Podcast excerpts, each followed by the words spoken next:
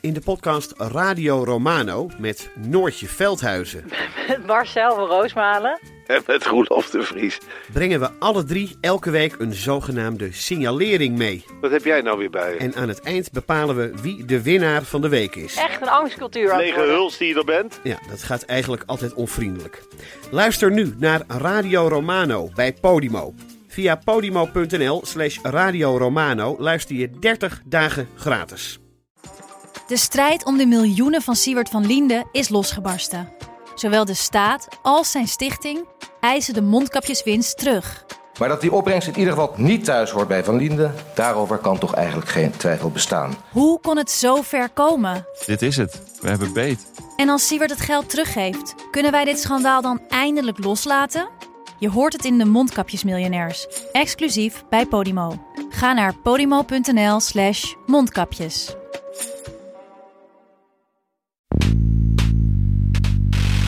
Et L'Allemagne et la France, parce qu'elles ont défriché le chemin de la réconciliation, doivent devenir pionnières pour la refondation de notre Europe ensemble. Wir müssen jeden Tag in die Freundschaft zwischen Deutschland und Frankreich investieren.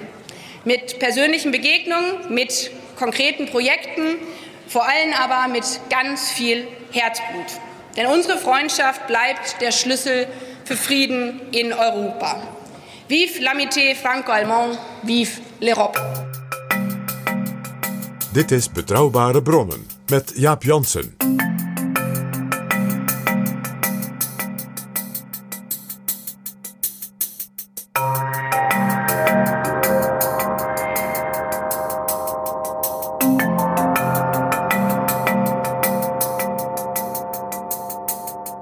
Hallo, welkom in Betrouwbare Bronnen, aflevering 321. En welkom ook PG. Dag Jaap. PG, afgelopen zondag werd het groots gevierd in Parijs, in de Sorbonne en in de Assemblée in Palais Bourbon. Het 60-jarig bestaan van het Élysée-verdrag. En in oktober hebben we een aflevering gewijd samen met Otto Frieke, Duits bondsdaglid van de FDP, over juist ook dat verdrag, het Élysée-verdrag, wat zondag gevierd werd, dat het in de praktijk allemaal stroef ging tussen die twee landen, Frankrijk en Duitsland. Hoe gaat het nu? Nou, men heeft ook natuurlijk met heel veel mooie ceremonie en toespraken vooral heel erg willen uitdrukken dat er natuurlijk altijd wel eens dingetjes kunnen zijn, atmosferische storingen, hè, dat soort termen gebruikt men dan in de politiek. Maar dat de Frans-Duitse vriendschap en de Frans-Duitse verzoening natuurlijk eh, voor de eeuwen is. Dus men heeft heel erg zijn best gedaan eh, om uit te stralen dat het allemaal toch echt eh, heel goed gaat. En ja, Jaapje wees. ik denk dan als je dat zo erg moet onderstrepen dat het zo goed gaat. Je weet wat Margaret Thatcher ooit zei, hè? Being in power is like being a lady. If you have to say you are, you are not. In oktober, toen wij die aflevering 302 maakten, toen had er een enorme bijeenkomst moeten plaatsvinden van eh, heel veel ministers uit Duitsland en heel veel ministers in Frank uit Frankrijk samen. Ja, de gezamenlijke ministerraad, die voor het eerst, ook vanwege corona, in drie jaar weer dus gezamenlijk zou vergaderen in Fontainebleau, in het prachtige Koninklijk Paleis daar, als opmaat naar dus hele grote gezamenlijke activiteiten die men dan zou aankondigen bij dus de viering van 60 jaar En Elysée. Die ging niet door omdat Macron, die toch, eh, ja, als hij wat extra glans kan geven aan alles wat Frans is, dan laat hij dat niet eh, voorbij gaan. Maar Macron dacht, ja, met deze Olaf Scholz, die zich zo terughoudend gedraagt tegenover allerlei initiatieven eh, die ik neem, ja, kan ik op dit moment niet gaan doen alsof alles koek en ei is. Nou ja, zijn vrees was dat die bijeenkomst eigenlijk een beetje een soort tweede rangs bijeenkomst zou worden. Ook omdat bleek dat er een aantal Duitse ministers zeiden: ja, het komt slecht uit, want we hebben herfstvakantie met onze kinderen. Die zien we al zo weinig. Ja, dan, dat, kijk, als je dat zegt, dan weet je dus, oh, dus dan gaan allerlei ministers niet komen. Ja, dan, dan zit je daar als president, als staatshoofd, met wat staatssecretarissen, dan wordt het niks. En om niet helemaal een beeld te laten ontstaan dat het eh, totaal mis is tussen die twee landen, kwam Scholz nog wel naar Parijs voor een overleg dat drie uur duurde. Maar er werd afgezien van de traditionele persconferentie na afloop. En in zekere zin maakte dat het erger. Otto Frieke trouwens, die sprak met ons en ja, die draaide er niet omheen. Die zei er is sprake van ernstige meningsverschillen. En het is blijkbaar moeilijk voor ja, Berlijn om tot een soort dialoogmodus te komen. En dan wordt het heel vervelend als je dus hè, naar elkaar initiatieven neemt en de ander reageert niet. Of de ander reageert indirect een week later met een heel andere stap. En dat is wat hier dus uh, gebeurde. En nou ja, Jaap, de relatie van Frankrijk en Duitsland is hoe je het went of keer cruciaal voor Europa. Zeker, en dus ook voor Nederland. Ja, zeker in een tijd dat er oorlog is in Europa, Rusland, Oekraïne. Eigenlijk dankzij Poetin is de Europese Unie stevig aan het optreden, is de NAVO verre van hersendood. Het begrip wat Macron in zijn beginperiode uh, ja, stempelde. Uh, om eigenlijk ja, het idee te geven dat met de NAVO zoals die nu is, en zeker met Donald Trump die net was aangetreden, kunnen wij eigenlijk niet veel meer. Nou, op dit moment uh, is eigenlijk niets belangrijker dan en de EU en de NAVO voor het Westen. En die hebben ook nog uh, een soort beweging gemaakt waarin ze als het ware elkaar aan aanvullen. Ze integreren bijna, natuurlijk mede doordat landen als Zweden en Finland, EU-lidstaten, ook historisch die stap naar de NATO toe bewegen. Dat had niemand twee, drie jaar geleden ook maar een seconde kunnen voorspellen, Jaap. En op dat moment is dus die bijna partnerschap voor eeuwig van Frankrijk en Duitsland, hè, dankzij de Gaulle en Adenauer, later natuurlijk ook Kohl en Mitterrand, gaat ineens schuren en kraken en piepen. En ook dat had niemand kunnen voorspellen. Daar gaan we het over hebben, PG. Maar eerst, zijn er nog nieuwe vrienden van de show? Jaap, een hoop vriendinnen en vrienden. En we zijn ze natuurlijk weer heel dankbaar. Noem de namen, PG. Anne Margrethe, Robin, Nanning, Sonja, Jan-Jaap en Esmee. En er zijn ook losse donaties? Ook die zijn er en dat stellen wij zeer op prijs. Dus heel veel dank aan jou Mieke, aan jou Paul en ook aan jou Nicolette. En als jij al vriend van de show was afgelopen week en ook zelfs de nieuwe mensen die er op het laatst bij kwamen, dan kon je meedingen naar het boek van onze gast in de vorige aflevering, Kees Verhoeven. Dankzij uitgeverij Business Contact hebben wij vijf exemplaren beschikbaar voor vrienden van de show.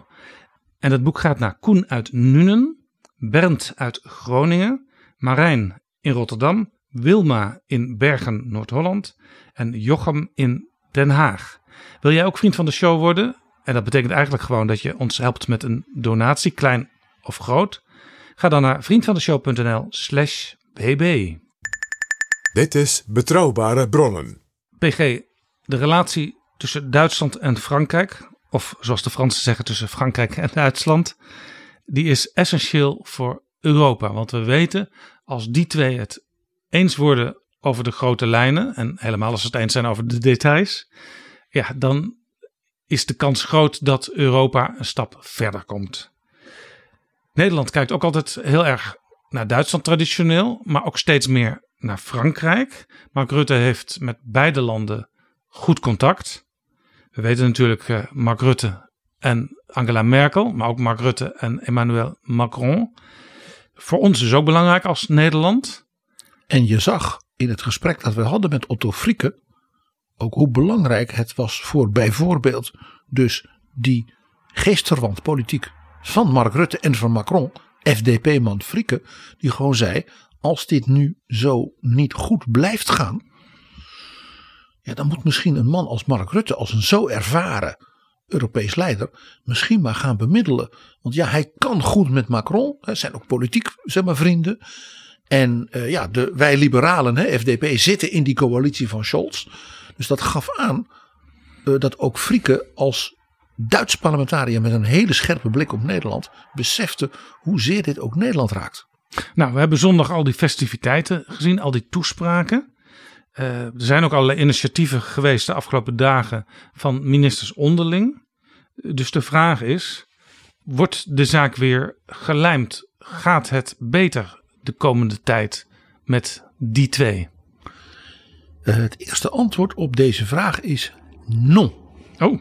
Er heeft een buitengewoon uh, onthullend stuk in Der Spiegel gestaan. En dat was vooral zo onthullend omdat de mensen van Der Spiegel niet zozeer in Berlijn van alles hadden gehoord en meegekregen. En zelfs on the record en vooral natuurlijk ook off the record. Maar in Parijs. Ja, dat stuk in Der Spiegel waar jij mij op wees in de voorbereiding van, van dit gesprek. Dat heet ook Die Entfremdung. De vervreemding. Alsof het een toneelstuk van Brecht is. Die Oekraïne-krieg legt die differenzen tussen den Partner offen.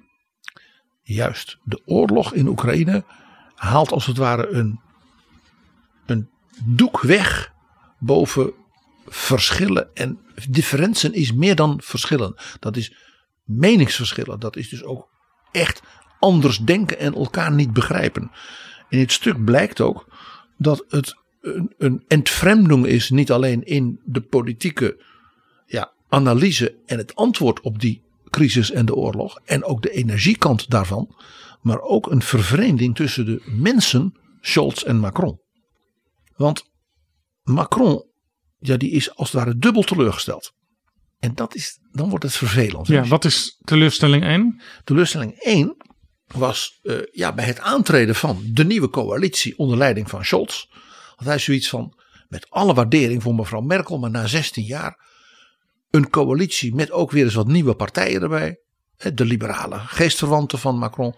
De Groenen, waarvan de Realo-vleugel, zoals dat heet, in feite een soort links-liberale club is. die zich heel dicht ook tegen zeg maar, Macron en ja. D66 en zo en, en de SPD in feite uh, de politieke familie waar Macron vroeger zelf in zat. Ja, en die als het ware de continuïteit met de periode Merkel, als het ware, ook in zich droeg. Hè, want dat was natuurlijk de grote coalitie.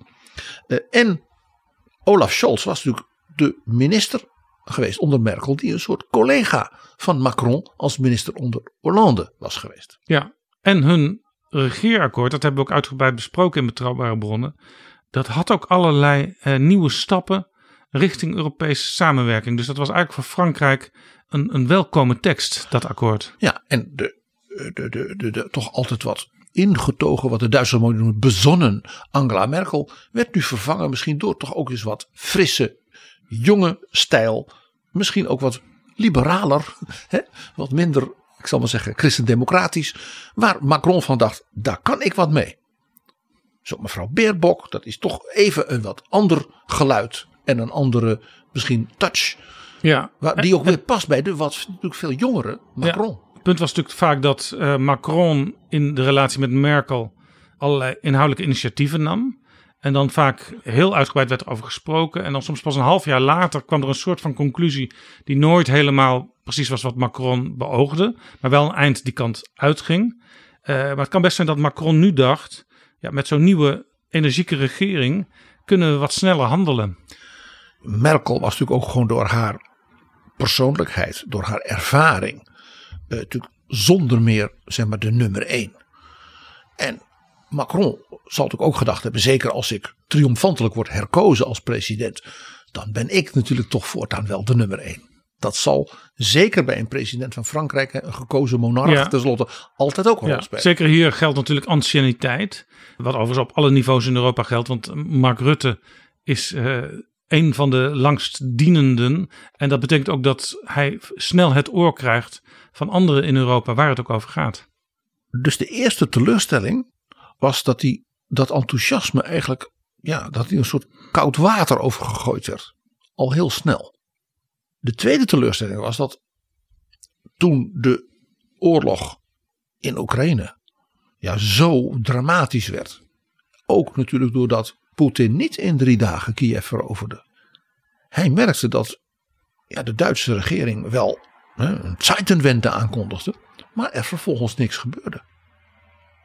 Nee, de Duitsers, uh, met name Olaf Scholz, in een reden in de Bondsdag kondigden aan dat ze fors gingen investeren in, in defensie.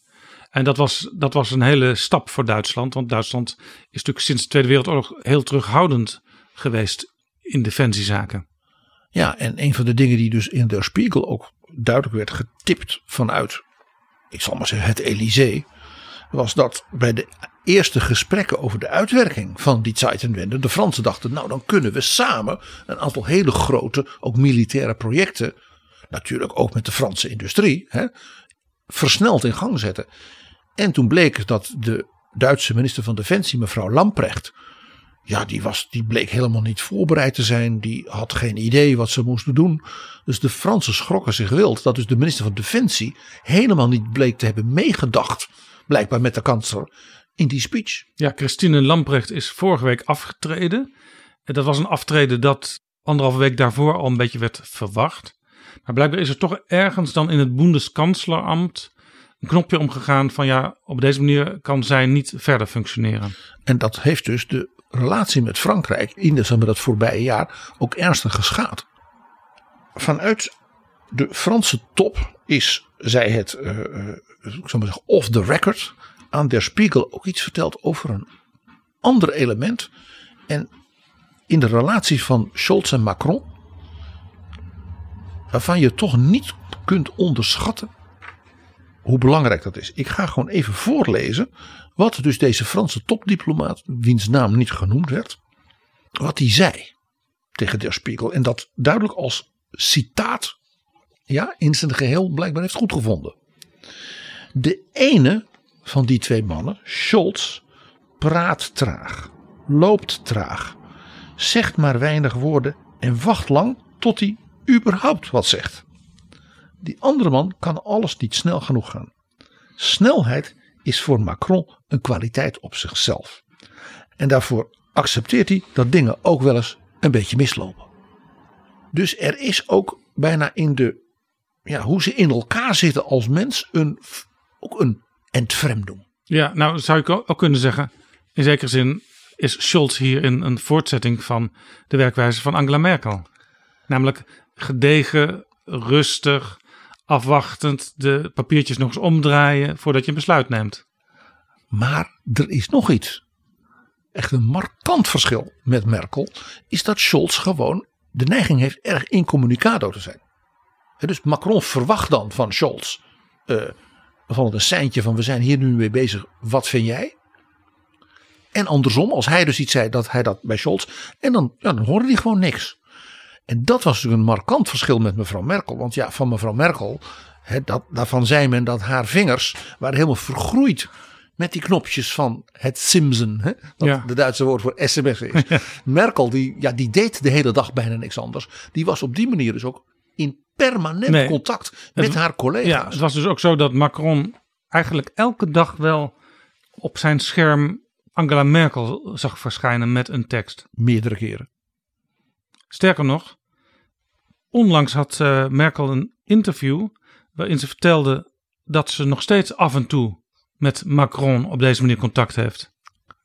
Dat weten wij ook van andere Europese leiders, wiens namen wij nu even niet noemen, Jaap. Maar ja, Merkel blijft natuurlijk voor veel van die mensen wat, ze, hè, wat in, Duitsland eh, wordt genoemd een moralische instantie. Ze is een instantie. Ze is ja een, een, een, een, een, een fenomeen op zich.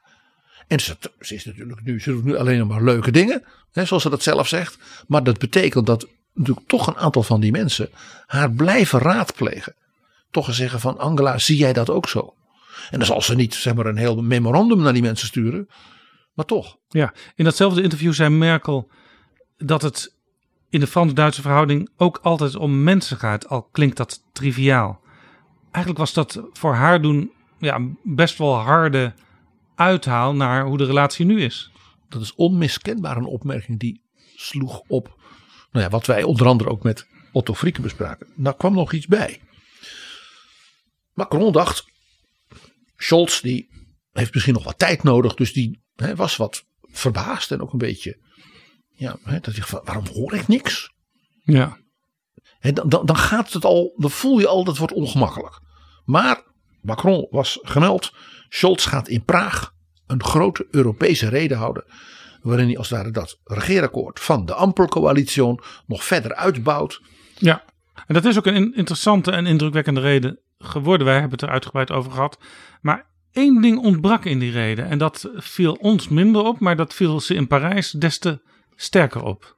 En zo zie je ook weer, Jaap, dat wij dan weer als Hollanders, om het maar even zo te zeggen, met een Europese blik, dan toch weer dingen niet zien die dan bijvoorbeeld zo'n Elysée-staf niet alleen een beetje ziet, maar dat de bliksem inslaat. Want wat ontbrak in de tekst was, ja, je zou het soms bijna een vanzelfsprekende terloopse verwijzing noemen van oké, het staat erin, want het staat er altijd in. Eh, maar als het er niet in staat, dan staat het er ook niet in. Namelijk een verwijzing naar de relaties tussen Duitsland en Frankrijk. In die hele speech wordt niet alleen president Macron zijn naam niet genoemd.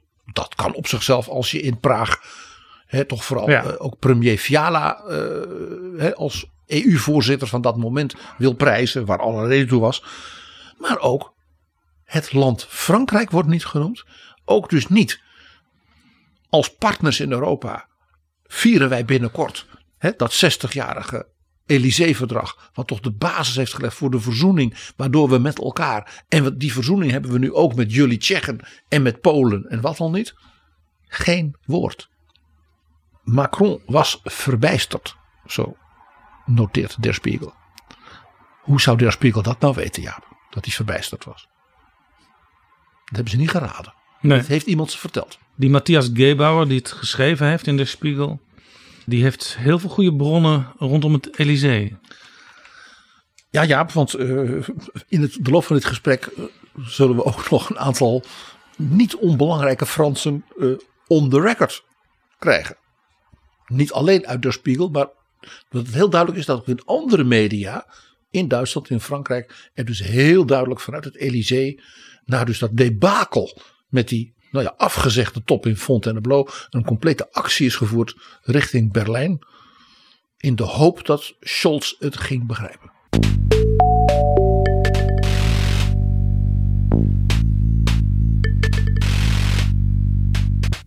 PG, die traditionele top in oktober in Fontainebleau zou die deze keer zijn, die ging dus niet door. Macron en Scholz spraken elkaar wel. Wat gebeurde er meteen daarna? Er was sprake van enorme hectiek vanuit Parijs naar Berlijn. Niet andersom. En dat is dus weer onderdeel van die teleurstelling dat ik al had dat Macron zegt: waarom hoor ik niks? Waarom neemt Scholz dan geen initiatief? ik krijg al helemaal geen sms'jes van hem, maar er gebeurt verder überhaupt niks.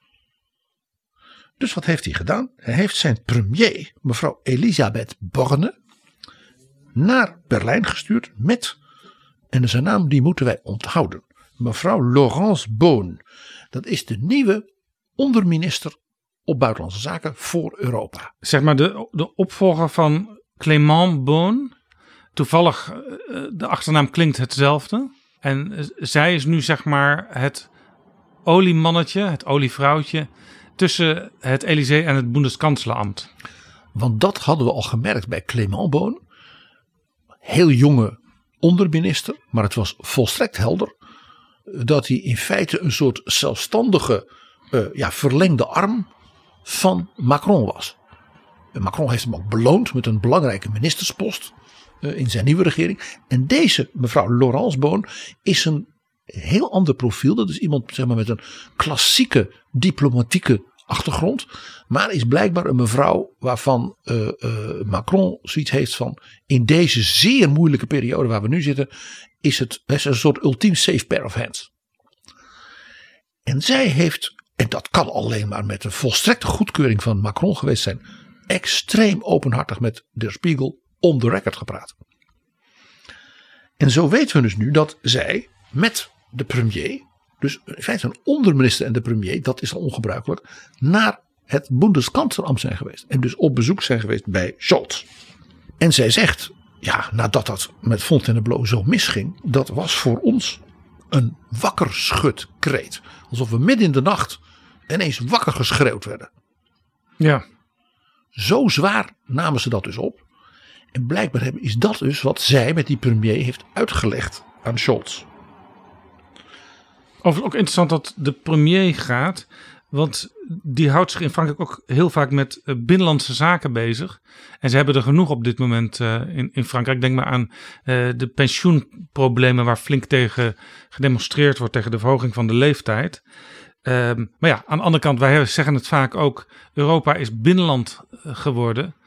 Dus ook de premier die zich vaak met binnenlandse zaken bezighoudt, die gaat dan het gesprek aan met Berlijn. En hier speelt ook nog weer zo'n staatsrechtelijk puntje. Scholz is premier. Macron is staatshoofd. Ja. Dus als het knettert op de lijn, het gaat dus helemaal niet goed, dan is het misschien juist wel verstandig om dus niet staatshoofd boos op premier of kansler.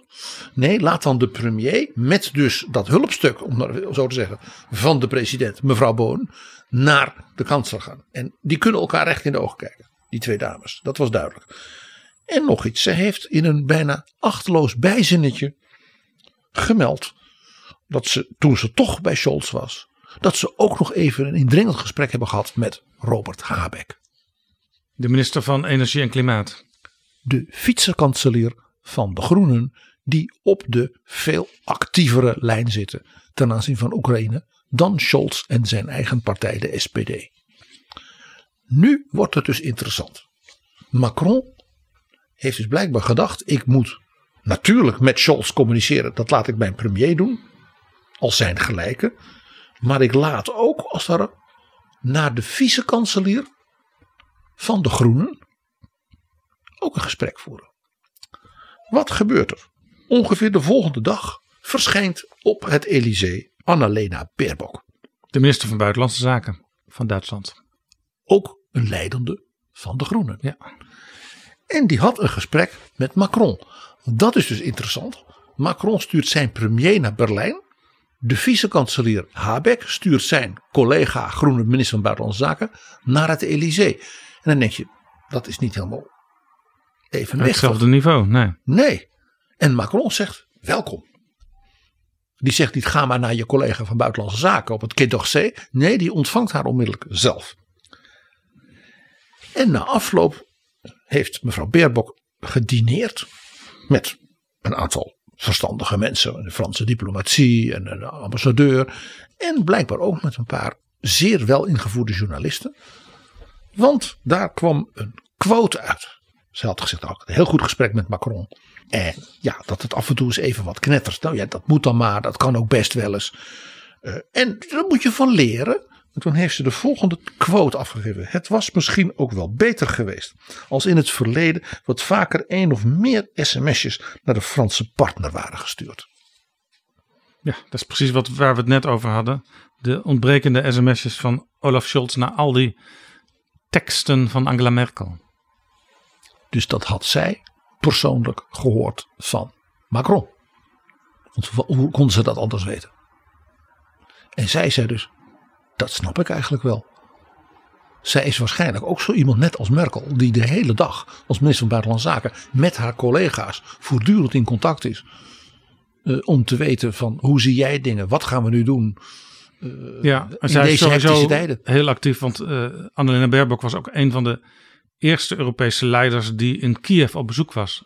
Ver voor iemand anders uit de Duitse regering. Ja, precies. Wat ze hiermee ook aangeeft natuurlijk is dat ze zegt van ja, hoe je een dialoog voert tussen Parijs en Berlijn. Hoe je dat doet. Hoe je met elkaar informeel, maar ook heel doelgericht zegt van ja, dat is een kunst die misschien niet iedereen verstaat. Dus het was ook zoiets van misschien is Scholz gewoon helemaal niet zo goed in dat deel van het vak. Baerbock zegt dus, je moet voortdurend met elkaar in contact staan. En afgelopen week zei ze daar in de Bondsdag overigens bij, je hoeft het dan niet altijd met elkaar eens te zijn. Wahre Freundschaft bedeutet doch gerade nicht, dass man immer komplett einer Meinung ist, sondern wahre Freundschaft bedeutet, gerade wenn man ganz unterschiedlicher Meinung ist, sich in die Schuhe des anderen hineinzuversetzen, anzuerkennen, dass der andere auch mal recht haben kann. Baerbock heeft dus gedineerd met een aantal uh, zeg maar, verstandige raadslieden en niet helemaal discrete uh, adviseurs en journalisten daar in Parijs. En gaat terug naar Berlijn. Zo kennen we de journalistiek. Jij zegt het Jaap, jij bent journalist. De volgende ochtend was er alweer bezoek in Parijs. Robert Habeck. Hij is op bezoek gegaan bij Bruno Le Maire, de minister van Economie en Financiën. Oftewel zijn collega, wat betreft economie. Maar Le Maire is ook nog de collega van de andere vicekanselier in Duitsland. Christian Lindner, de minister van Financiën. Van de FDP. Le Maire doet gewoon twee posten. En iedereen weet, Bruno Le Maire is gewoon de sterke man in de regering Macron. Ja, eigenlijk is hij zeg maar een soort vicepremier. Ja, ja, ja. Hij is een beetje wat Delors was bij Mitterrand. Die ook meerdere van die economie en financiën posten tegelijk deed. En mevrouw Baerbock werd dus ontvangen op het Elysée. Terwijl er dus in hogere rang als het ware zijnde vicekanselier Habeck niet werd ontvangen. Die ging rechtstreeks naar Le Maire. En die deden samen iets heel opvallends. Die lieten zien, ondanks dat gedoe. En het feit dat dat in Fontainebleau niet doorging. En dat blijkbaar de Fransen zeiden, ja er komt niks uit de handen van die Duitse coalitie. Gingen zij iets heel krachtigs doen. Ze hebben dus op een dag, iets wat blijkbaar al een beetje in voorbereiding was voor Mont Fontainebleau. Hebben ze gewoon erdoor gejast. En zij kwamen met een gezamenlijk strategiedocument over hoe Duitsland en Frankrijk in Europa, dus naar de collega's in de EU, een aantal lange termijn voorstellen zouden doen voor de groene techniek en industriepolitiek, mede als een soort tegenzet tegen de grote uh, hervormingen op dat terrein door Joe Biden. Ja, en zo kwamen ze uiteindelijk afgelopen week met een publicatie, een oproep voor een vernieuwende Europese industriepolitiek. En wat dus deze twee zeg maar, sterke mannen in die kabinetten, hè, die dus niet bij elkaar waren gekomen, hiermee dus deden, was als het ware laten uitstralen, we kunnen het wel. En wij zijn ook bereid om onze nek daarvoor uit te steken. Ja, sterker nog, uh, dit is ook een punt waar Europa meteen uh, in aanvaring komt met de Verenigde Staten. Met president Biden, die natuurlijk zijn, hoe heet het ook weer, de inflatiereductie. Uh, IRA. De Inflation Reduction Act heeft. Die in feite gewoon betekent dat de Amerikaanse industrie enorm steun krijgt. En Europa zegt daarvan, ja, dat maakt het moeilijk om op gelijk niveau te handelen met elkaar. Dus jullie moeten dat fors anders doen. En als dat niet gebeurt, dan moet Europa zich bezinnen, want dan moeten wij ook zoiets gaan doen om een beetje een spiegelbeeld daarvan te kunnen creëren. En ik zeg het een beetje ondeugend, Jaap, dat Habeck en Le Maire hier als Frankrijk en Duitsland, ik gebruik die volgorde met opzet, mee komen, is natuurlijk helemaal klassiek volgens het Élysée-verdrag. Want wat wilde de Gaulle met dat Élysée-verdrag? Dat Frankrijk, leidend, met Adenauer, Duitsland, zowel richting Moskou als richting Washington een wat meer zelfstandige eigen rol van Europa ging invullen.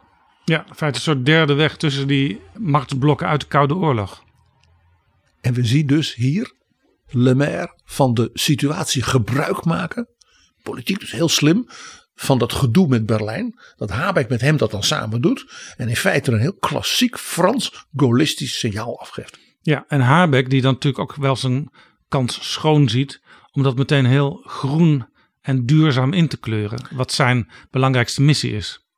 En wat ook helemaal past bij zijn rol in Duitsland van een nieuwe industriepolitiek gericht op duurzaamheid, energietransitie en al die andere dingen. Nou, dit document was dus uh, in grote lijnen gemaakt en zou dus worden uitgewerkt tot een groot stuk wat in feite naar alle andere Europese regeringen zou gaan. Dus een echt klassiek Frans-Duits initiatief. Oftewel, het gaat weer goed. dat was wat ze vooral wilde uitstralen. En mevrouw Laurence Boon duikt ook weer op. Dus een onderminister van Europa. Die vervolgens, duidelijk dus in directe opdracht van het Elysée van Macron. Met zowel mevrouw Baerbock als meneer Habeck zegt. Als we dit nou eens oppakken. En wij maken dit als voorbeeld voor een zogenaamde, die term werd gebruikt, roadmap. Voor een serie grote initiatieven, dus groene industriepolitiek, waterstof was ook een thema wat genoemd werd, defensie, cyberwar, ruimtevaart, zodat we die als grote lijninitiatieven op bij de viering van het 60-jarige Elysée-verdrag kunnen lanceren.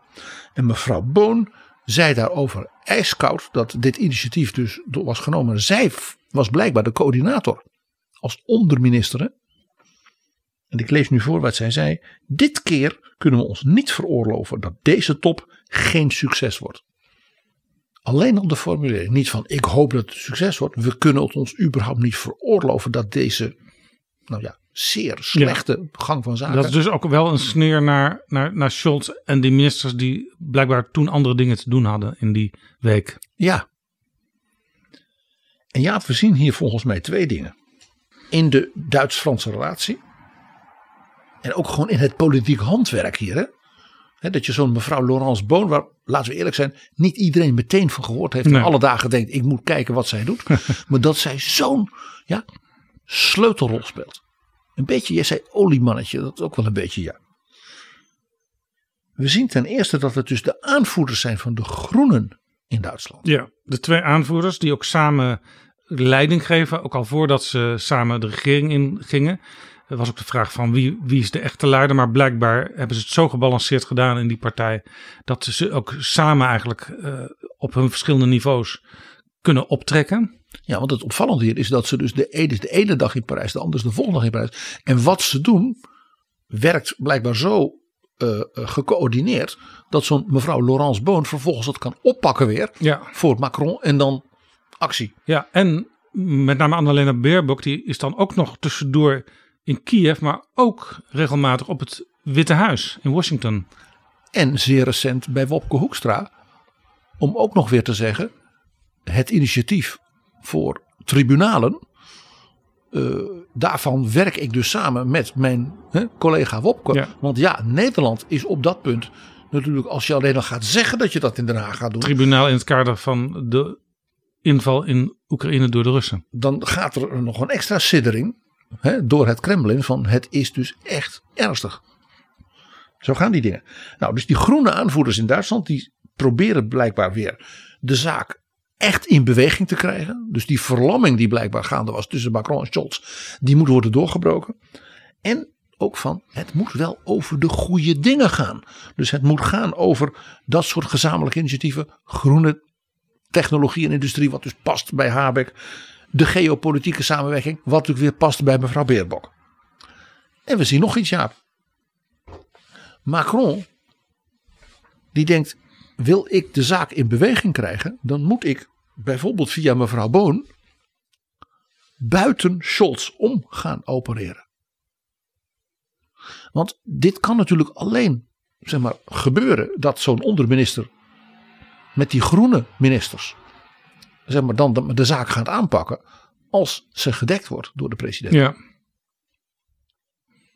En dat is dus, zou je zeggen, vanuit Scholz bekeken, eh, ja, toch wel een teken aan de wand dat dit allemaal gebeurt. En ook interessant is dat Scholz het niet tegenhield. En dat kan twee dingen betekenen. Of dat hij zegt, nou vooruit dan maar. Of dat hij ook vanwege het enorme gedoe met die minister van Defensie, wat natuurlijk in zijn partij ook speelde, dat hij gewoon de positie als kansler niet heeft.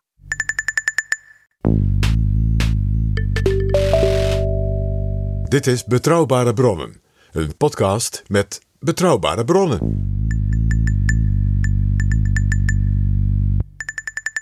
Scholz was onlangs in China op bezoek. En toen had Macron gevraagd van tevoren: mag ik mee? Zullen we samen gaan? Dat zei Macron wel op het allerlaatste moment, maar goed, het gebeurde niet. En China is eh, ook een lastig puntje in de discussie binnen Europa en ook in de discussie tussen Duitsland met name en de Verenigde Staten. Want ja, de Verenigde Staten die zijn bezig met een handelsoorlog met de Chinezen. Die willen eigenlijk zo min mogelijk relaties met China. Maar de Duitsers die zeggen ja, wij verdienen heel veel aan die relatie eh, met China. En dat is altijd goed gegaan. En waarom zouden we daar nu ineens eh, van afzien? Daar komt bij PG, wat ik heel interessant vond. Dit weekend kwam er een bericht uit Duitsland van Christian Lindner. Dat is de al eerder genoemde minister van Financiën van de FDP. En die is dus net als Habeck de vice-kanselier. Ja, en die zegt in Welt am Sonntag: we moeten onze afhankelijkheid van China geleidelijk verminderen, maar wel geleidelijk. Dus eh, eigenlijk staat hij vrij dicht bij Scholz, denk ik, daar in de redenering. Dat is dus ook interessant dat de FDP, waar hij dan de leider van is, dan weer een net iets andere positie heeft dan de, bondskanselier en de Groenen. Ja, want van de FDP weten we ook vanuit het Duitse bedrijfsleven dat zij de grote nadruk van mevrouw Beerbok op mensenrechten natuurlijk heel mooi vinden. Maar hè, moet nog wel centjes worden verdiend. Dus die spanning zit er ook nog weer omheen. Terwijl Macron tegen Scholz zei: ja, als jij naar China gaat, meteen nadat Xi hè, president voor het leven is geworden. En jij staat daar met de pet in de hand, dat wekt de verkeerde indruk. Wij moeten als Europa tegenover China, net als tegenover Poetin, en als het ware ook, hè, denk even Le Maire en Habeck, ook tegenover Joe Biden als dat nodig is, een duidelijke, gezamenlijke, eensgezinde opstelling hebben. Dus desnoods gaan we samen. Ging niet door. Even voor de volledigheid, als het over de relatie met China gaat, eh, dan speelt Nederland natuurlijk ook nog een rol met ASML in Veldhoven, waar juist Mark Rutte twee weken geleden over sprak, ook met Joe Biden in Washington in het Witte Huis. Daar is toen niet helemaal bekend gemaakt wat de nieuwe lijn zou zijn. Misschien was die er ook nog niet helemaal.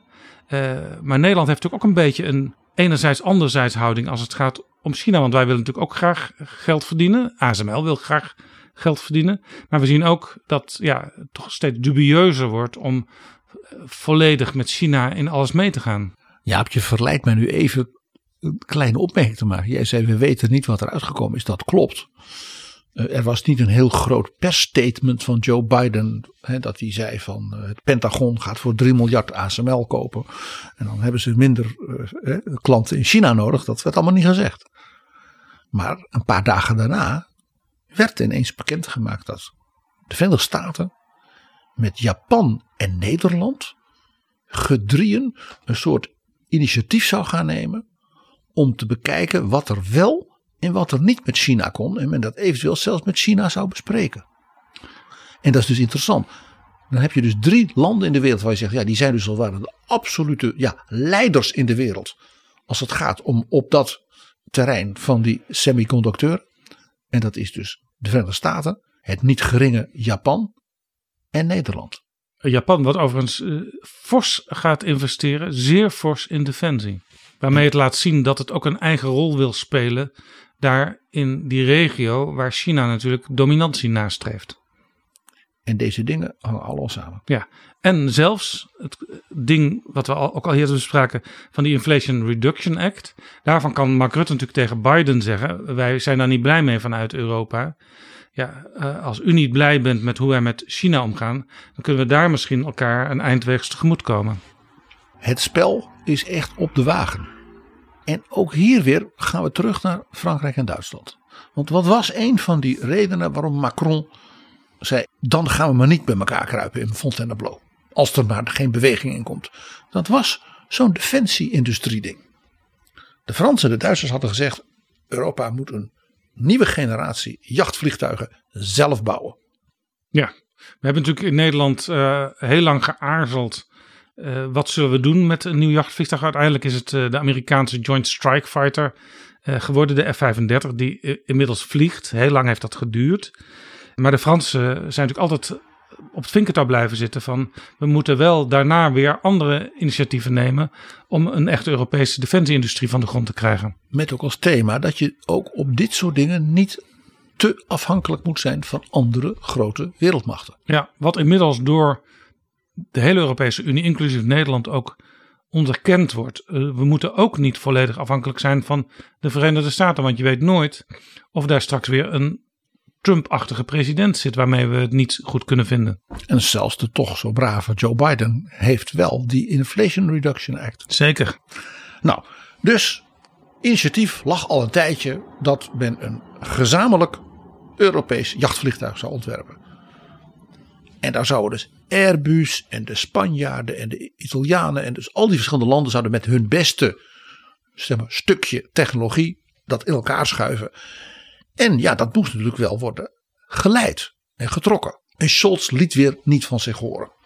En Macron had natuurlijk in Frankrijk, natuurlijk allang met hun grote uh, defensieindustrie, van alles ja, op de rij gezet.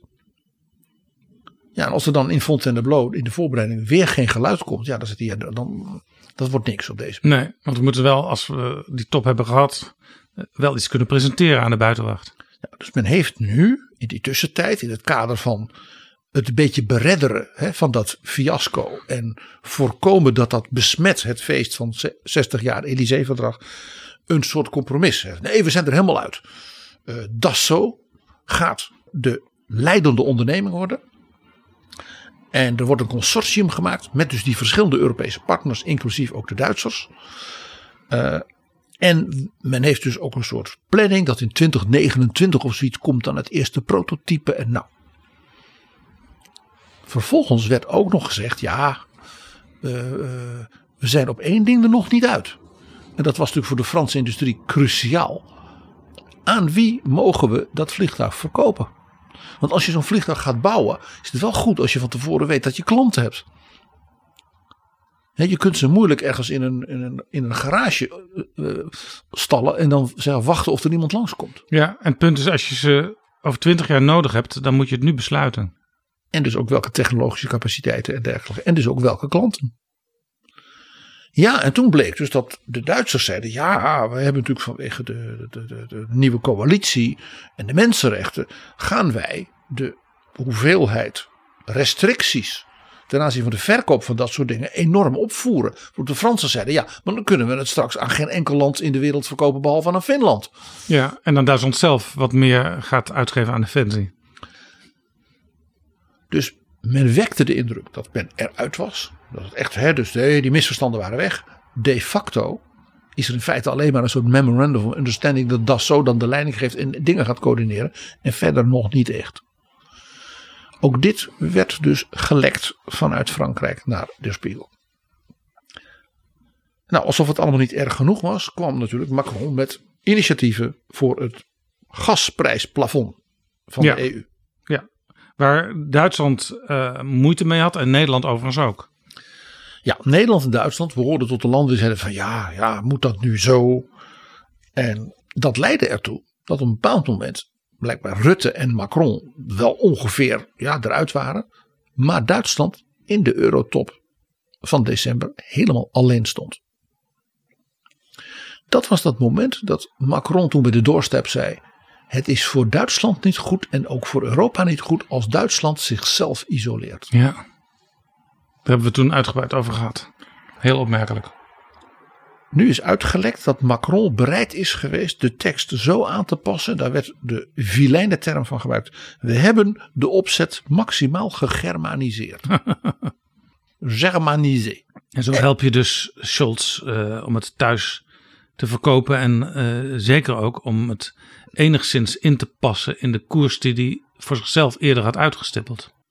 In Parijs werd door een hoge Franse uh, diplomaat ik zeg, ik kan het ook niet bewijzen, het is mevrouw Boon zelf, gezegd: ja, er is eigenlijk sprake van een soort schizofrenie in het kanslerambt.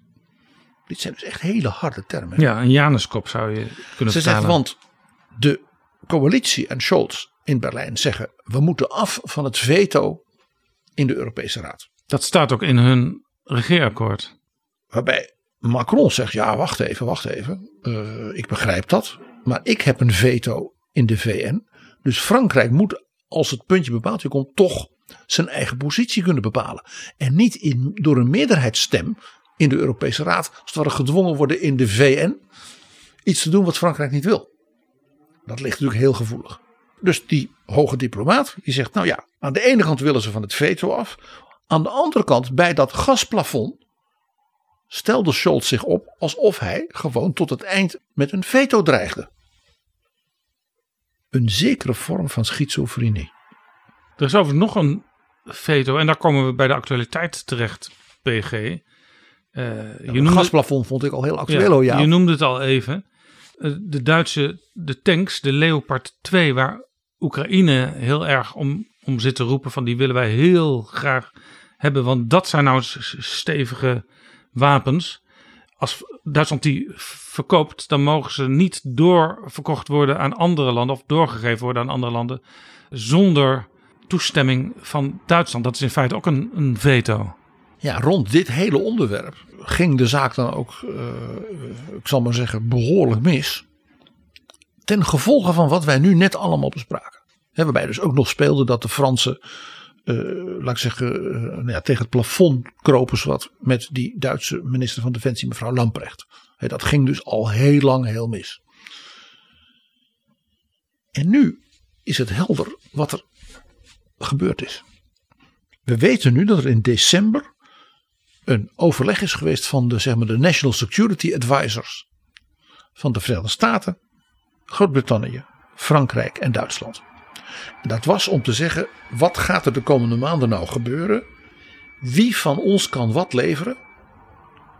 En hoe doen we dat? Ja, Zodat we dat goed met elkaar afstemmen. In feite dus de westerse leden van de VN-veiligheidsraad plus Duitsland. Precies. Dus ook de grote zeg maar, industrienaties. Met een eigen stevige ook defensieindustrie. Heel verstandig om met elkaar af te stemmen van wat heb jij, wat kun jij, wat kunnen wij, wat kunnen we samen. Als jij dan eerst dat doet, dan kan ik daarna dat. Dat was heel duidelijk dat men dit in december wilde afstemmen. Ja, en de, die, die, die veiligheidsdeskundigen, die veiligheidsleiders, die weten natuurlijk ook precies wat je nationaal sowieso nodig blijft hebben voor je eigen defensie en veiligheid. En wat je al dan niet tijdelijk kunt afstaan. En je, weet ook precies van elkaar, want die informatie die hebben ze, wat je hebt. Ja, nou dat laatste dat bleek eh, de afgelopen dagen toch nog een klein beetje anders, maar daar hebben we het wel over over.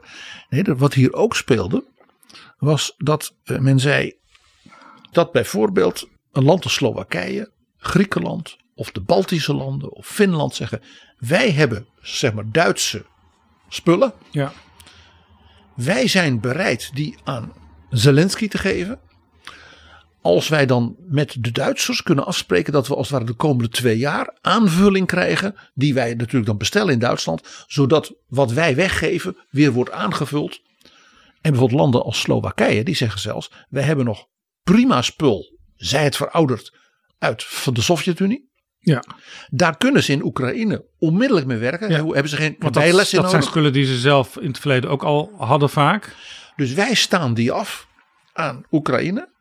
En in ruil daarvoor kunnen wij dan op rekenen dat bijvoorbeeld vanuit Duitsland of vanuit Frankrijk modernere spullen versneld worden geleverd. Daar gebruiken de Duitsers het woord ringtausch voor. Dus je ruilt in een soort ring tussen de Oekraïne, Ah, ja. een derde land en Duitsland. Dat overleg was dus nodig van die National Security Advisors. Omdat ze merkten, die ringtausch, dat ging zo goed. Ook omdat die Oost-Europese landen, hè, Polen, de Balten, enorm gretig waren. Die, zeiden, die waren enorm actief op dat punt. Dat ze zeiden van, nog even. En zij hebben meer dingen aan Oekraïne afgestaan. Dan wij in de snelheid van ons uit kunnen compenseren. Dus dat overleg was ook nodig om te kijken welke ringtausch kunnen we versnellen. Welke moeten we even, nog even eh, zeg maar afremmen en dergelijke. Want voordat je het weet gaat elk van die landen met weer losse landen in Ja. Oost-Europa afspraken maken die natuurlijk elkaar in de weg gaan Ja, zitten. maar daar zat dus ook een top Duitser bij, die in feite namens Duitse regering, namens Olaf Scholz, daar eh, zat te onderhandelen. Ja, dat was dus rond. Dus men had een soort schema met elkaar. En president Zelensky bezoekt Washington. Dat was natuurlijk hè, zeer geheim gehouden. Dus die kwam plotseling daaraan. En ja, nou ja, we hebben dat gezien. Hij werd natuurlijk als een soort held hè, in het congres binnengehaald. eh, met die vlag die hij in Bagmoed had laten tekenen door al die soldaten voor Nancy Pelosi. En heeft natuurlijk tegen Biden gezegd: wat we nodig hebben zijn tanks. En hij begreep ook wel dat Biden niet zei van, nou ja, de allermooiste, duurste, modernste eh, tanks, hè, die kan Oekraïne zo krijgen. Want ja, daar moet je wel mee om kunnen gaan. Maar Biden zei, ik heb nog wel meer voorraden. En dat was de zogenaamde Bradley tank. En die hebben ze eigenlijk beschikbaar. Ja. Daar hebben ze voorraden van. Dus Biden zei tegen Zelensky, wij begrijpen jou. Dit- we willen je helpen. Ja. Maar ik moet, en dat had natuurlijk te maken met dat overleg van die security advisor. Ik moet dat even afstemmen met de belangrijkste bondgenoten. Dat moet jij ook snappen. Dit is interessant, PG, want Duitsland zegt steeds: er moet eensgezindheid zijn tussen de landen die die tanks of die tankachtige wapens hebben. En daarmee wekt Duitsland steeds de suggestie in de discussie dat met name de Verenigde Staten toestemming eigenlijk moeten geven als Duitsland iets wil doen. En de laatste week zie je steeds meer vrevel eh, rondom het Witte Huis en het State Department en het Pentagon.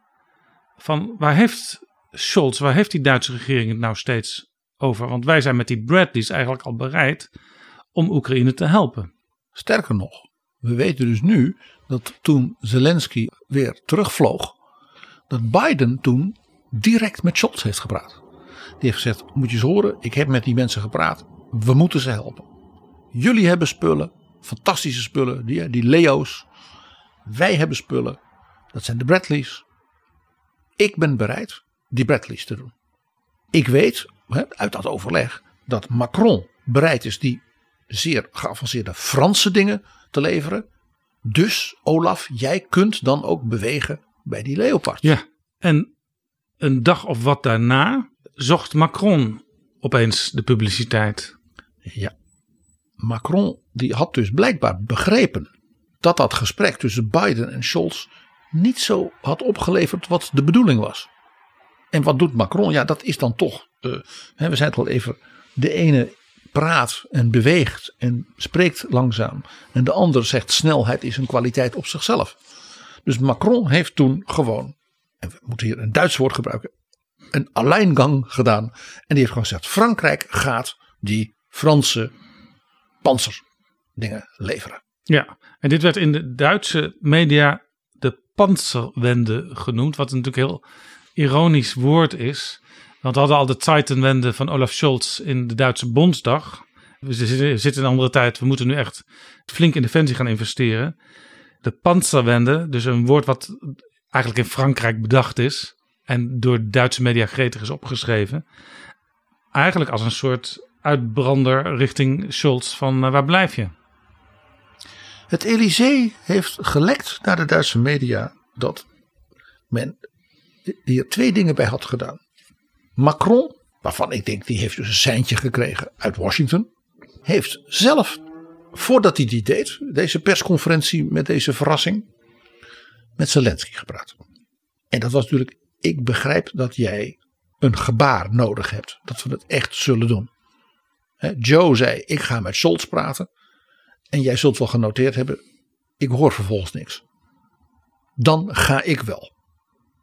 Dus zei men uit het Elysée, we hebben dit gedaan om het taboe te doorbreken bij zowel de Verenigde Staten als in Berlijn. Dus voldongen feiten. dat wil nog wel eens helpen in de politiek. Fait accompli, om het op zijn Frans te zeggen.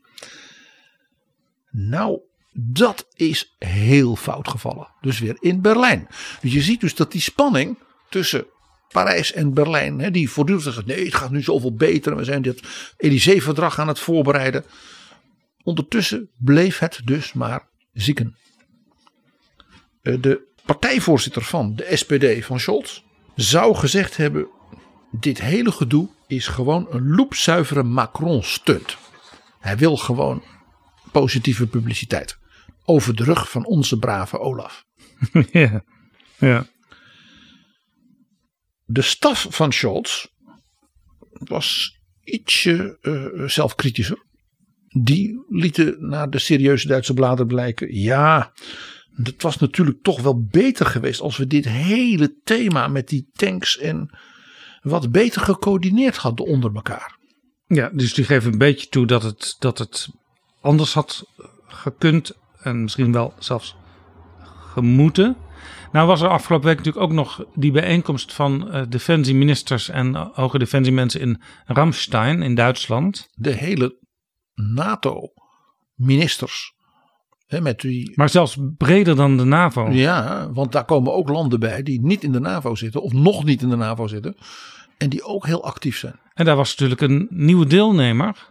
Boris Pistorius, de minister van Defensie, die mevrouw Christine Lambrecht is opgevolgd. Maar ja, dat was ongeveer zijn eerste dag in functie dat hij daar naartoe moest. Je zag hem ook in beeld eh, op parkeerterrein eh, flink bellen met deze en gene. Eh, want van hem werd natuurlijk uiteindelijk een ja-signaal verwacht. We gaan dat doen uh, met die panzerwende. En dan nu ook als een woord dat omarmd wordt door de nieuwe minister van Defensie Boris Pistorius. Maar het gebeurde niet. Nee, want wat bleek nu? die opmerking van de staf van Scholz, die ben ik achteraf beter gaan begrijpen. Het was misschien wel beter geweest als we het beter gecoördineerd hadden aangepakt. Dat sloeg niet alleen op beter gecoördineerd met Joe Biden en Macron, maar ook intern. Want meneer Pistorius moest daar melden in Ramstein, en dat is echt als een bom ingeslagen, dat hij de opdracht had gegeven tot een snelle verkenning dat heet een proeven in het Duitsland, over hoeveel leopards er eigenlijk zijn. En hoeveel daarvan bijvoorbeeld niet verroest waren. Dan wel anderszins moesten worden gerepareerd. Maar dat moet je toch al lang weten?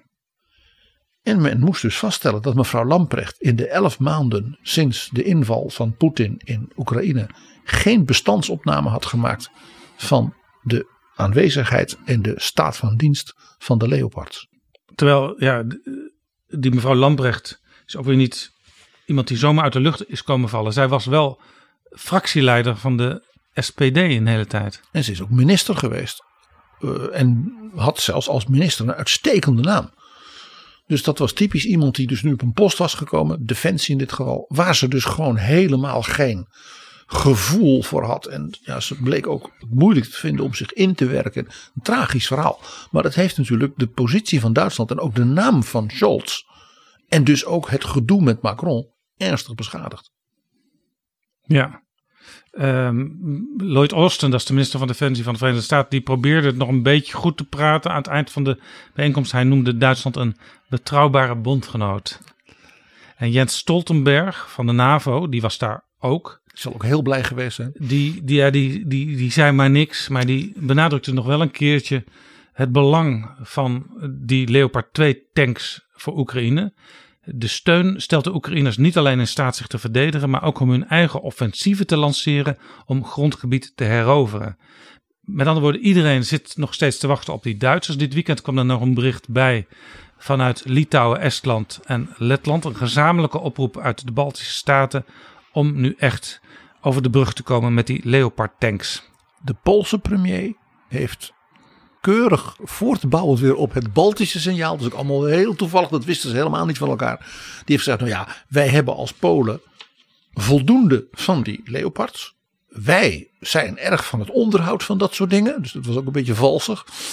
Uh, dus die dingen die doen het. En ja, wij gaan ze gewoon leveren aan Kiev. En dan vragen we achteraf wel toestemming. Als dan die Duitse minister is ingewerkt, dat duurt even, begrijpen we wel. Er zat dus bijna een soort cynische ondertoon van we gaan het gewoon leveren. Die meneer Pistorius, nou die moet nog even gaan tellen hoeveel die er zelf heeft. Nou dat horen we dan wel. Maar wij gaan gewoon vast bewegen.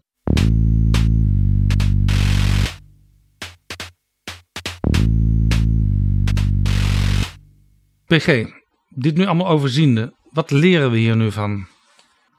Jaap, het eerste is, ik kijk toch nog eens naar dat Elysée-verdrag. Wat terecht als groot moment in de Europese geschiedenis van landen die zich na verschrikkelijke toestanden, oorlogen en ellende met elkaar verzoenen.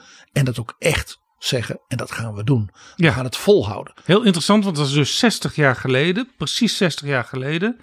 Adenauer kwam terug uit Parijs, uit het Elysée. De Bondsdag van toen, die had twijfels bij wat er allemaal geregeld was in het Elysée. Sterker nog, het was het einde van Adenauers carrière. Nou was hij ook 84 op dat moment. En was nog helemaal niet van plan weg te gaan. Ja. Want hij zei, de wereld is zo in beweging. We hebben de Cuba-crisis gehad. De muur in Berlijn is gebouwd. En ik heb nu dit belangrijke verdrag met de Gaulle. Ik moet dat natuurlijk zelf uitwerken. Ja, dat Toen ging hebben ze gezegd, nou dat gaat niet Nee. gebeuren. een van de heikele punten was voor de Bondsdag de relatie met de Verenigde Staten. Dus eigenlijk de relatie binnen de NAVO. Want wat was natuurlijk het karakteristieke van dat Elysée-verdrag? Dat was natuurlijk dat op dat moment het natuurlijk onmiskenbaar was wie van die twee landen de leidende was, de nummer één. Dat, was was Frankrijk. Frankrijk. Dat was generaal de Gaulle. Dat was natuurlijk een legendarische staatsman. En Frankrijk had toch een wat andere houding toen. En dat hebben ze ook heel lang volgehouden. En soms, Frankrijk had soms een veto. zijn er nog signalen van. En een, ja, Frankrijk had een veto in de Veiligheidsraad. Frankrijk had, Frankrijk had raketten en kernbom. En Frankrijk is ook een tijdje uit de militaire tak van de NAVO eh, gestapt. Maar Frankrijk had dus al die dingen die Duitsland nooit zou krijgen. Waarvan Adenauer ook had gezegd. Ik wil dat ook helemaal niet. Ik En- wil een ander. En in de Bondsdag waren ze dus een beetje bang dat dit wel eens schade kon berokkenen aan hun hele goede relatie met de Verenigde Staten. Want de Verenigde Staten waren. eh, dat was dus president Kennedy. Die waren enigszins overrompeld. Door dit verdrag. Want ja, de Gaulle die deed dat soort dingen. En Adenauer, ja, die liet zich daar, Ja. laat ik zeggen, in meegaan. Snelheid van de Gaulle die we nu bij Macron ook weer zien. Ja, waarbij het, toch het leeftijdsverschil opmerkelijk is. Eén ding was natuurlijk heel duidelijk. De Gaulle die zag die Frans-Duitse alliantie.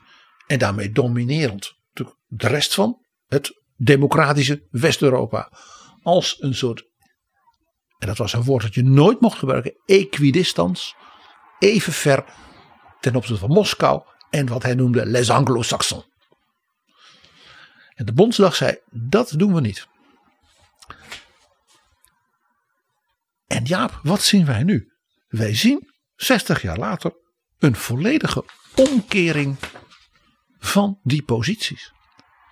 Want het is nu Duitsland, zeker natuurlijk na de 16 lange jaren van mevrouw Merkel, dat leidend is. Hè? Merkel werd in de Trump-tijd zelfs gewoon de leader of the free world genoemd. Ja. Duitsland is leidend. Ook door het enorm economisch gewicht. Nog versterkt door de Wiedervereinigung.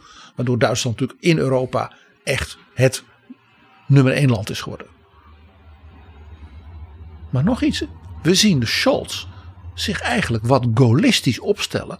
Halverwege Moskou en de Anglo-Saxische wereld. Ja, dat is. Continentaal. Ja, als je daar goed naar kijkt, is dat iets wat je eh, op zijn Duits zou kunnen noemen een Umwertung aller Werten. Helemaal. Als je er ook nog het antwoord ziet van Macron. Want wij zien dus dat Macron in feite met Joe Biden ja, eh, en met Zelensky en met de landen in Oost-Europa zegt meer doen, meer doen. Vol erop. Olaf, ik ga met je mee naar China. Dus van die twee is dus Olaf Scholz de continentale Gaullist en is Macron de globaal en atlantisch denkende doener. Heel opmerkelijk deze, deze omdraaiing van dingen zoals we ze altijd kenden.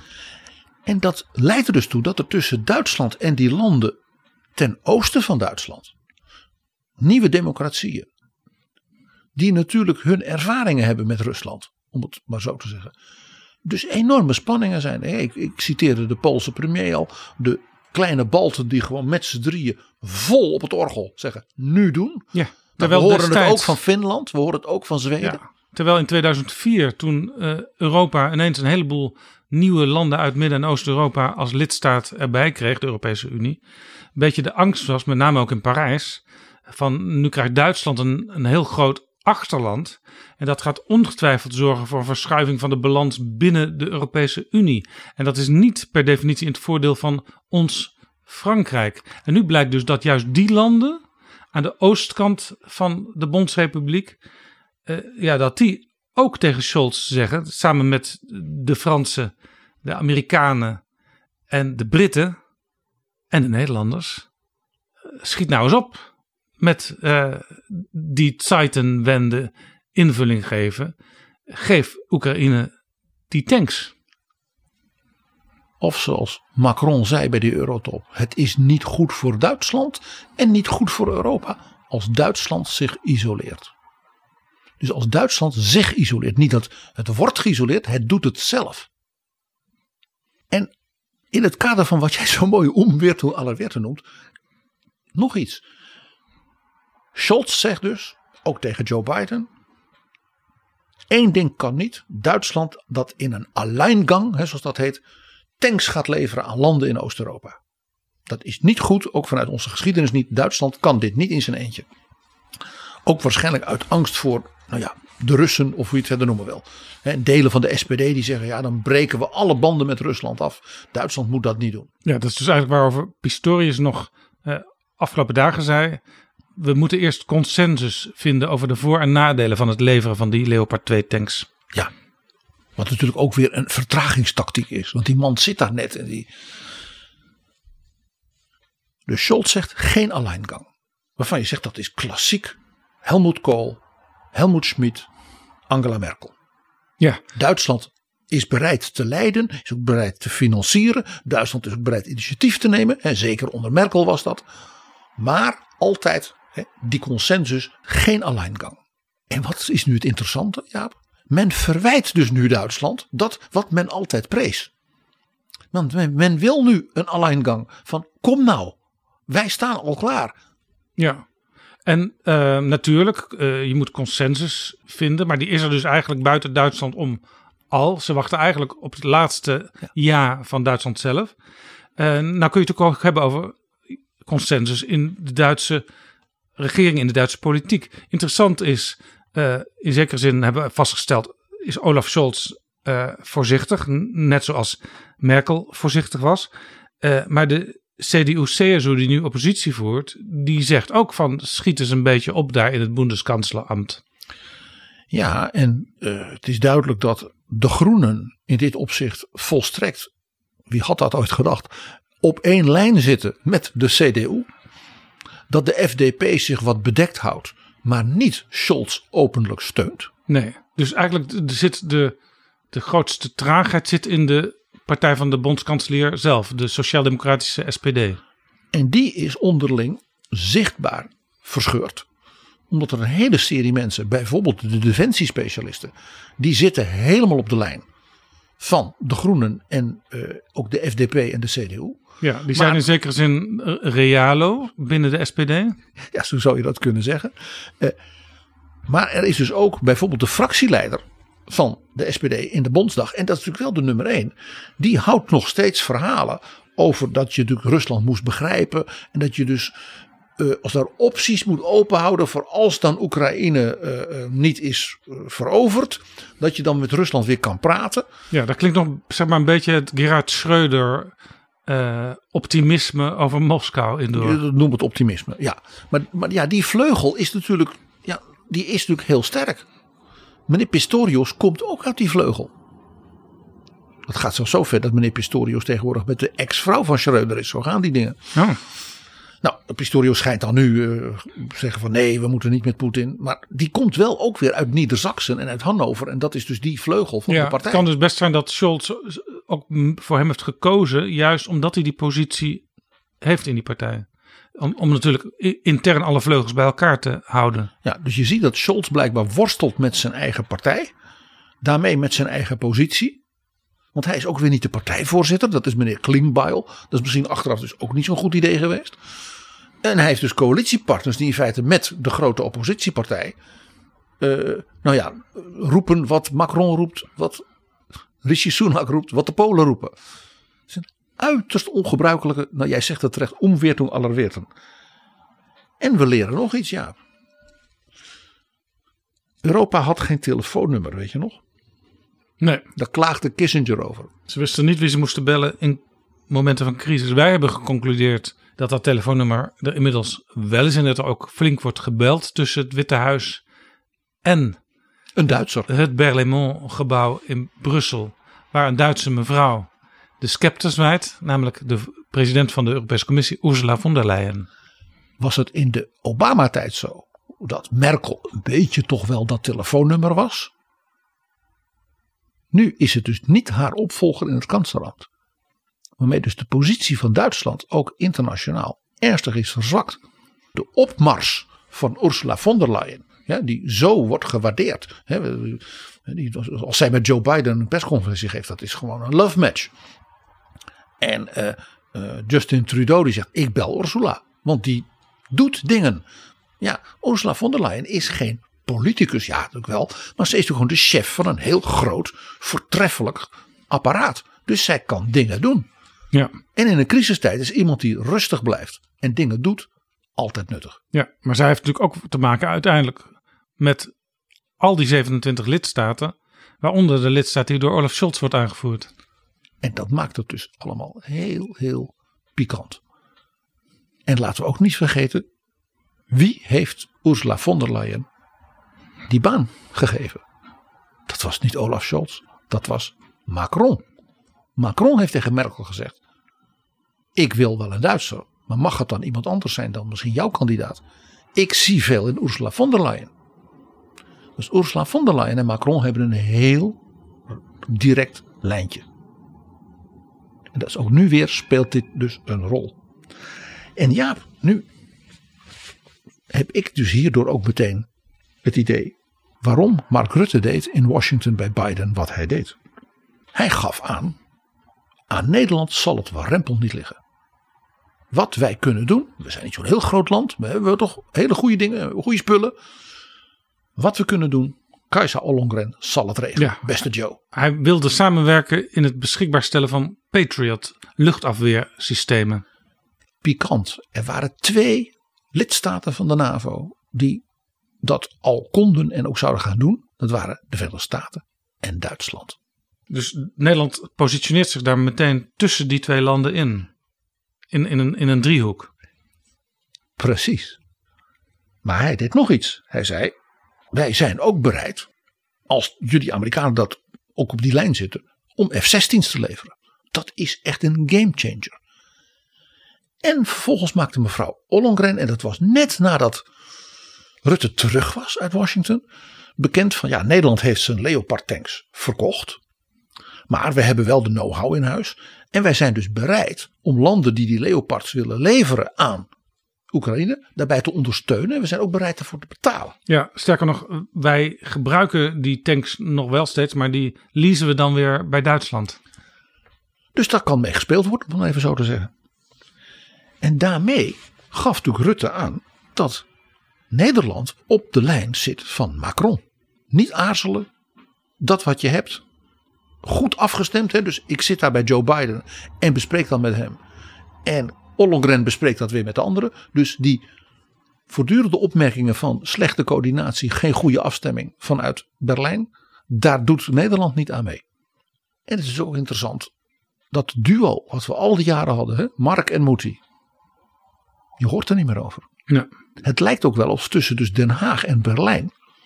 Ja, er ook een soort, soort, soort ja, radiostilte is. En dat daarom mevrouw Baerbock ook weer dus met enige regelmaat dan in Den Haag is.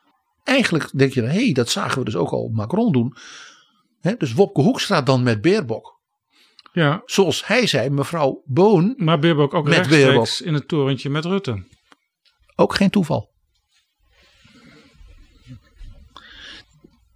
Jij gebruikte al de term umwertung aller Werten. Het is zeer ongebruikelijk en opmerkelijk wat we zien. En het verhaal is ook nog niet af, want het is niet zo dat we als het ware conclusies kunnen trekken van wat er nu gebeurt. We gaan nog van alles meemaken. Dit is Betrouwbare Bronnen. PG, kunnen we nu al conclusies trekken? Het antwoord is natuurlijk nee, Jaap. Het is allemaal in flux. Het is allemaal in beweging. Meer dan, nou ja, in jaren. Maar één ding werd wel duidelijk de voorbije dagen. Uit het Elysée werd erop gewezen dat Macron natuurlijk ook zijn eigen manier van doen en denken heeft. En ze zeiden van je moet maar eens opletten op de taal die hij gebruikt. Het is dus de Franco-Allemande, Frans-Duitse verhoudingen.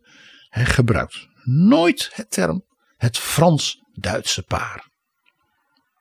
Dus het is niet zoals met de Gaulle en Adenauer of met Kohl en Mitterrand. Kijk, als je het hebt over een paar, ik citeer nu letterlijk uit het Elysée, dan kom je toch al direct in categorieën van trouw en liefde en huwelijk en echtscheiding en zo. En daar moeten ze het maar niet over hebben. Nee, zeker niet over echtscheiding, want dan ben je echt ver van huis. En dus, dus die affectieve kant, zoals dat tussen de- die twee oude heren was en ook tussen Kohl en Mitterrand. En ook wel een beetje Merkel hè, en Macron. Dat is er nu niet meer. Ik citeer letterlijk wat die Franse topdiplomaat zei. Macron is een strateeg. Voor hem is gezamenlijk Europees aan de slag gaan een geopolitieke noodzaak. Dat is geen romantische kwestie.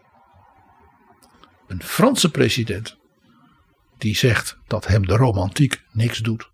Een omwertung aller werten, Jaap. Jij zei het al. En dit heeft natuurlijk alles te maken met die rolwisseling waar we het net over hadden. Duitsland, dat dus de continentale, bijna de Gaulle-rol gaat vervullen in die relatie. En Frankrijk, Macron, met welke landen allemaal, ook Atlantisch, kan ik dit gaan doen? En ondertussen, we dreigen ze wel eens te vergeten, PG.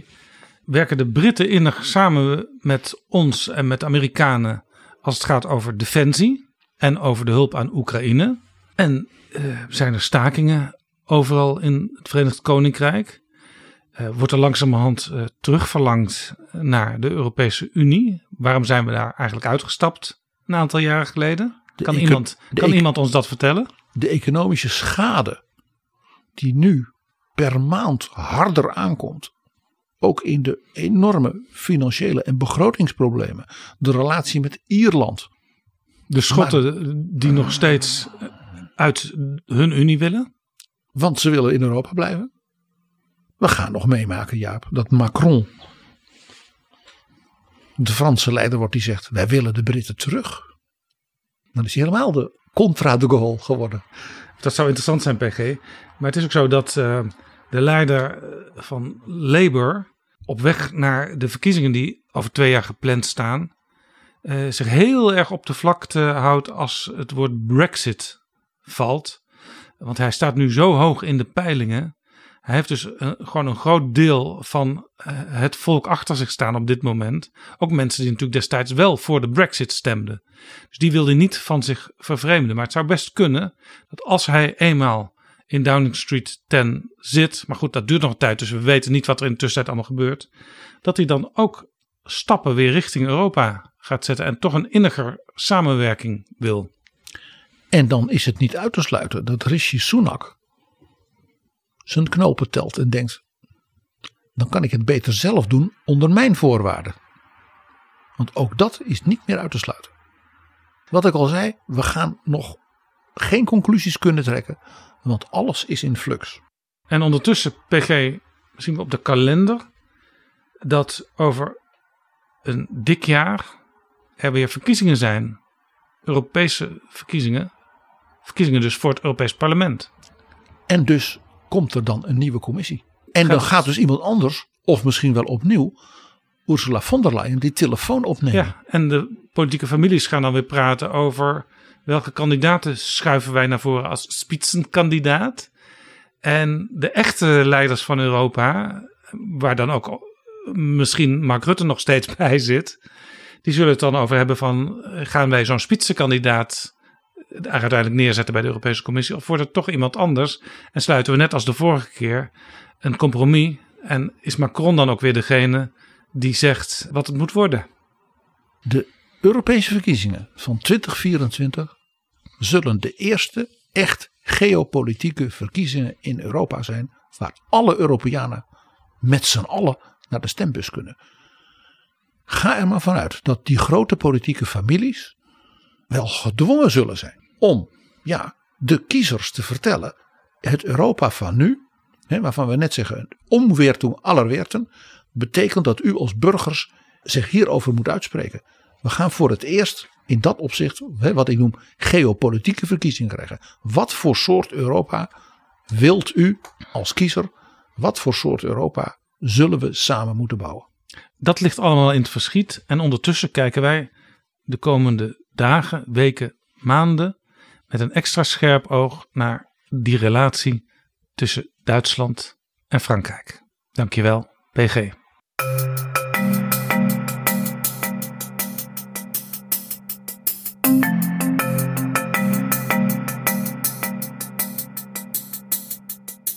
Zo, dit was Betrouwbare Bronnen aflevering 321.